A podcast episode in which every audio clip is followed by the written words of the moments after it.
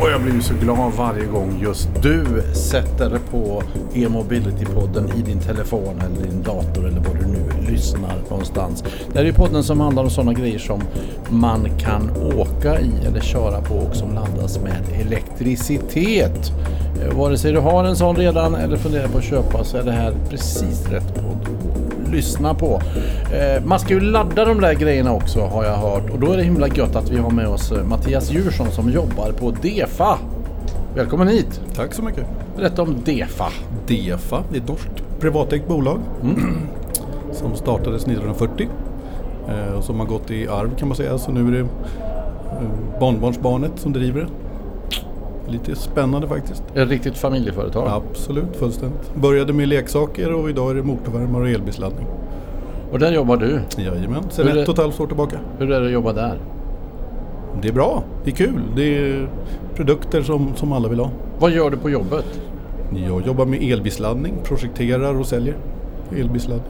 Okej, har du märkt under det här eh, de ett och ett halvt åren som du har jobbat på DEFA, märker du, är det liksom så här progressiv ökning utav intresse och kommer kunderna, hittar de? Jag vill påstå att det ökar markant. Vi är ju inte i närheten av Norge än. Det rullar väl inte mer än 90 000 laddbara fordon i Sverige. Till skillnad mot Norge. Men det kommer ju massor och potentialen är betydligt större i Sverige. Vad, vad, vad var det som gjorde att norrmännen var så tidiga med det här då? Ja, inte vet jag. För mycket olja kanske? Nej. Ja, det, ja men det är ju märkligt va? Alltså, och Saudiarabien bygger eh, såna här solcellsplattformar och grejer och Precis. sånt. Ja, nej men de var väl lite före på just elen. De by- byggde ju sina egna elbilar, Think och de här. Ja, lite de gjorde ett försök där. Precis. Det gick Ja. väl sådär halvbra. Ja, gör ju det i Norge ibland. Nej, nej det är bara avundsjuka svenskar som säger så. Du, vad, vad skulle du säga då, du som jobbar med detta, är det viktigaste att tänka på eh, om man köper en elbil just med själva laddningen? Ja, alltså för mig eh, så tänker jag ju direkt att elbilsladdning ska ju vara någonting som är tryggt och enkelt och bara fungera. Eh, så få tag i en bra installatör Mm. som, som kan branschen lite grann och vet vad det finns för produkter. Eh, och som, som kan ställa in och justera en laddbox till en ren elbil tänker jag då. Som, som eh, tar hänsyn till eh, induktionshällar, värmekällor och så vidare i huset så att inte huvudsäkringar går. Eh, det är väl liksom de riktlinjerna. Men det gäller vid ren elbilsladdning. Hybridbilarna är inte lika känsliga. Men har du en ren elbil så har du ingen annan drivkälla än elen. I, I stort sett så installerar man ju sin egen bensinstation. Det är precis det som händer. Och hur funkar det då? Köper man den eller leasar man den? Eller hur, hur, hur går det till? Det finns olika varianter på det där men jag känner lite grann det är bättre att köpa och äga sin egen bensinmack. Eh, Du äger ju trots allt huset tänker jag du bor Mm. i. Det kan ju vara så att man bor i bostadsrätt och då blir resan lite längre. Då måste man komma överens i föreningar och så vidare. Men äger du din villa så, så är det egentligen bara att bestämma sig för vilket märke och vad du vill ha för funktioner på den. Vad ska och sen man tänka på då? Ja men jag tror att man ska välja ett märke som, som är, har funnits på branschen ett tag, i branschen ett tag och som kommer att finnas imorgon. Och som där det finns en likviditet i bolaget som gör att man kommer att överleva. Ett, Framtiden. Ett, ett bolag som kanske har funnits sedan 40-talet, ett familjeföretag. Ja, kanske så faktiskt. Ja, kanske. Och börja på D och sluta på EFA. Ja. Så kan det ju Men vara. varför ska jag inte... Jag har faktiskt 230 hemma och jag har gäng förlängningsladdar. Varför ska jag inte ladda, stoppa in den vanligaste kontakten? Ja, så Elsäkerhetsverket, det är de som styr och ställer och talar om för oss hur vi ska bygga våra produkter. Avråder ju från laddning i chockuttag. Eh, Och det tycker jag man ska lyssna lite grann på. För ett bra exempel som jag brukar nämna för, för kunder som håller på och lyssnar och lär sig lite grann det är att kör vi våra dammsugare hemma idag och ställer upp sugeffekten på maximalt. Då drar dammsugaren ungefär 750-800 watt. Går vi då omkring med den där dammsugaren i 5-7 minuter och sen stänger av den och sen rycker ur sladden ur väggen och känner på stiften. Då kommer de att vara mer än ljumna. Och då är det 700 watt som vi har dragit ur vägguttaget. När du laddar en elbil så är det ungefär 2000 watt. Så det är tre gånger så mycket effekt som går i vägguttaget. Ah, okej. Vilket gör att det blir betydligt varmare och under en betydligt längre tid. För en hybridbil tar det någonstans fyra timmar att ladda och en elbil betydligt längre. Det där märker man bara. Jag gjorde misstaget att och, och dra igång ett sån här oljeelelement och så tog en, det vi i teknikbranschen kallar en groda. Det är alltså en sån här hoprullningsbar förlängningssladd.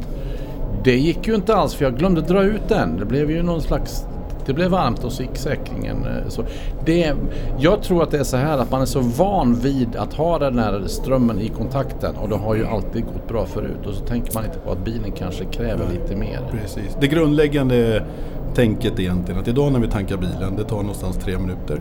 Vi har en litersnurra som talar om hur många liter vi får och framförallt så har vi även en kostnad som snurrar betydligt fortare än den där litersnurran. Men vi vet att per definition en liter bensin eller en liter diesel kommer vi en mil på. Eh, så då kan vi förhålla oss till de literna och vi vet hur mycket en liter är. Då jämför vi oss lite grann med en mjölkförpackning. Men vi vet per definition inte hur mycket energi vi får ut vägguttag. Eh, vi vet inte hur länge vi behöver ansluta vår elbil för att komma den tilltänkta sträckan.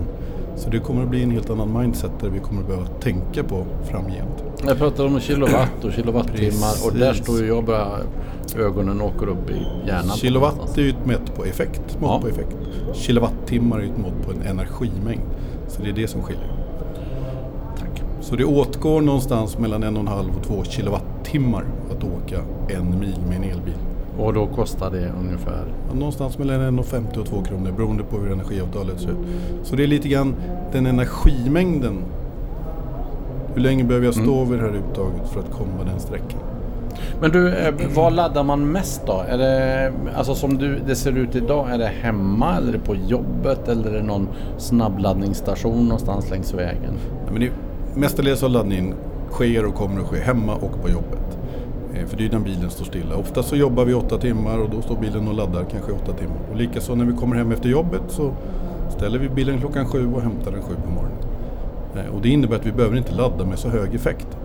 Laddar vi med enfas 16 ampere, det vill säga 3,7 kilowatt, så laddar vi två elbilsmil per laddad timme. Står vi då mellan 19 på kvällen och 7 på morgonen så har vi 24 elbilsmil i batteripacket. Och det klarar vi oss gott och väl på för vardagspendling. Så eh, kan, vi kan inte säga full tank för det vet inte hur stor Nej, det vet tanken man är. inte, precis. Men, men 12 timmar i snitt då, då, då klarar vi oss på det. så att 12 säga. timmar med 3,7 kilowatts laddeffekt. Ja. Då klarar man sig bra. Någonstans 24 elbilsmil. Men det låter som att eh, anledningen att skaffa en snabbladdare hemma är mindre då va? Om det inte är så att vi... Ja, alltså, definitionen snabbladdning den går för mig någonstans 22,5 kilowattimmar och det är ju inte det som kommer att ske hemma. Men trefasladdning och enfasladdning Ja, trefasladdning är väl alltid bra när man bor i villan men det är ju inte det som kommer att ske när man bor i bostadsrätten eller samfällighetsförening. Utan då blir det, kommer det bli enfasladdning, tänker jag högt. Men eh, man klarar sig bra på en lägre effekt under en lång tid också. Men mina rekommendationer brukar ligga runt en fas 16 ampere, 3,7 kilowatt. Mm, anteckna detta nu. Slipper ni ringa och tjata på att han blir säkert glad om du ringer och frågar ändå. Eh, just det, men då, vad är det då som avgör hur, hur snabbt man eh, laddar en elbil och hur långt man kan åka? Ja, snabbheten i, i, har ju med laddeffekten att göra och det är ju bilens ombordladdare som bestämmer hur mycket effekt bilen kan hantera, det vill säga ta emot. Ja, Eh, aktionsradien styrs ju av batteripacket, det vill säga volymen i tanken kan man säga, Ja. batteriet. Och det skiljer ju markant mellan bilarna. En hybridbil har sällan större än 10 kWh i batteripacket.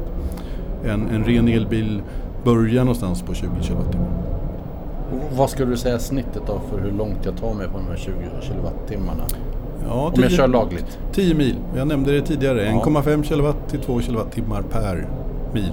Så någonstans 10, Ja, 10-12 mil. det tar ett tag att vänja sig och tänka på det här sättet. Men det viktiga är att man får den här bensintanksnurran, litermåttet och just eh, effektmåttet på energi. Vad, vad, vad ska man då tänka på eh, om, säg att jag ska skaffa, jag har köpt villa och nu ska jag ha min egen laddstation. Vad ska jag tänka på där? Ja men som jag var inne på tidigare, välj ett, ett märke som fun- funkar idag och finns Ja. imorgon. och som har lastbalansering tänker jag. Det vill säga man ligger och mäter hur mycket förbrukas i huset. Det kan vara en värmepanna i form av bergvärme, det kan vara induktionsceller och så vidare. Ja. Eh, som då mäter förbrukningen i huset och sen anpassar laddeffekten efter vad som finns över eh, mot, ditt, eh, mot din huvudsäkring helt enkelt. Och, och man märker då att nej, men vi använder så mycket grejer här och eh, det räcker inte till. Kan, kan man göra någonting åt det? Ja, alltså först och främst så mestadels av laddningen kommer ju ske nattetid. Det är då vi kommer att ha den högsta effekten och bli tillgängligt. För vi kommer att ha så lite förbrukning eh, igång då, det vill säga inga lampor tända och inga Ja. tvättmaskiner och så vidare. Eh, Ja, li- lite grann så. Du, du vad, och, och då kan vi, vad, fin, vad har ni för elstationer på DEFA? Vad har man att välja? Nu kommer jag till er. Åh, tjena Mattias, jag ska ha en laddstation. Vad, vad, vad kan du erbjuda mig då? Ja, en hel del lösningar faktiskt. Du får välja mellan enfas och trefas. Ja, tar vi elfas. Enfas, precis. Den är ju, tänker jag då, väldigt bra för samfälligheter och bostadsrättsföreningar för man får ut många laddpunkter men kanske lite lägre laddeffekt. Trefasladdning är väl kanske inte det jag rekommenderar till bostadsrättsföreningar för att det är lätt hänt att man ha- hamnar i höga effekttariffer och så vidare. Ja. Så enfasladdning är väl att rekommendera för bostadsrätter och samfälligheter. Trefasladdning i hemma, absolut. Men det man ska tänka på... Trefasladdning hemma. Ja, i villan. Ja, just det. Mm. Det jag tänker på det är om man sätter upp en, en trefasuttag för, för elbilsladdning på samfälligheten. Då tappar man i mina ögon två stycken enfasuttag. Det vill säga du får färre uttag för att kunna ladda och du allokerar mer ström i din elcentral. Det är lite teknikaliteter men, men Ja, men det är rätt logiskt ändå. Ja. Fattar jag så fattar alla som lyssnar. Du, eh, de smarta laddstationerna, vad, vad, vad är det och finns det några fördelar? det finns, ju, finnas? det finns ju många fördelar med en uppkopplad laddbox där du bland annat kan få appstyrning och så vidare. Framförallt om du är tjänstebilsåkare, det vill säga att du har en firmabil som du behöver ladda både hemma och på jobbet. Kan du, och då kan du särskilja kostnaderna för, för laddningen hemma. Det vill säga du kan få betalt av företaget för elen som då blir drivmedel. Eh, Så det, det väl jättelätt och bra att kunna använda till exempel Defas app för att kunna starta och stoppa laddningen och ha allt i form av eh, redovisning klart. Okej, så att även om laddstationen är hemma hos mig men det är tjänstebilen så är det alltså räkningen där på det som tjänstebilen förbrukar? Ja, precis. Du registrerar ditt eh, företagskort till exempel och så dras pengar på det. Alternativt att du kan skicka en, en månadssummering till eh, HR-avdelningen. Ska jag säga till min. VD. Ja, det är bra. Du, eh, eh, om jag är intresserad nu då, var, var, jag har inte sett att Elgiganten och Mediamarkt har laddstationer. Eller var, var hittar jag dem någonstans? Ja, Alltså, rent generellt så tycker jag att man tar kontakt med en behörig installatör. Det är ju så eh, installationerna ska ske. Och de har förhoppningsvis koll på, på vilka produkter de tycker om och tycker bra att jobba med och så vidare. Men det här är ju någonting som inte säljs över disk egentligen på, på, på så sätt. Utan det är via elgrossister och via installatörer. Det är fackmän helt enkelt. Jajamän. Du, eh, hur länge har du kört elbil då? När köpte du din första eller fick du din första? Jätteroligt att du frågar faktiskt. Min nuvarande arbetsgivare DEFA, där har jag, åker jag faktiskt dieselbil. Det är lite skämmigt att tala om det, men så är det. Men snart blir det en ren elbil. Det är väl bara någon månad bort. Så att det var en kuggfråga du ställde. Ja, vad, vad spännande ändå. Ja. Men du vet att det kommer. Jag har hört att det är bra det här med elbil. Ja, jag har också hört det. Ja. Du, himla trevligt att du var med här. Eh, Har du någonting som du känner att jag borde ha frågat? Ja, men jag tycker du har ställt bra frågor. Ja, jag tycker du Ja, har ställt ja. ganska, eller gett ganska bra svar också. Tack. Ja. Tack, tack för att du var med. Ja, tack.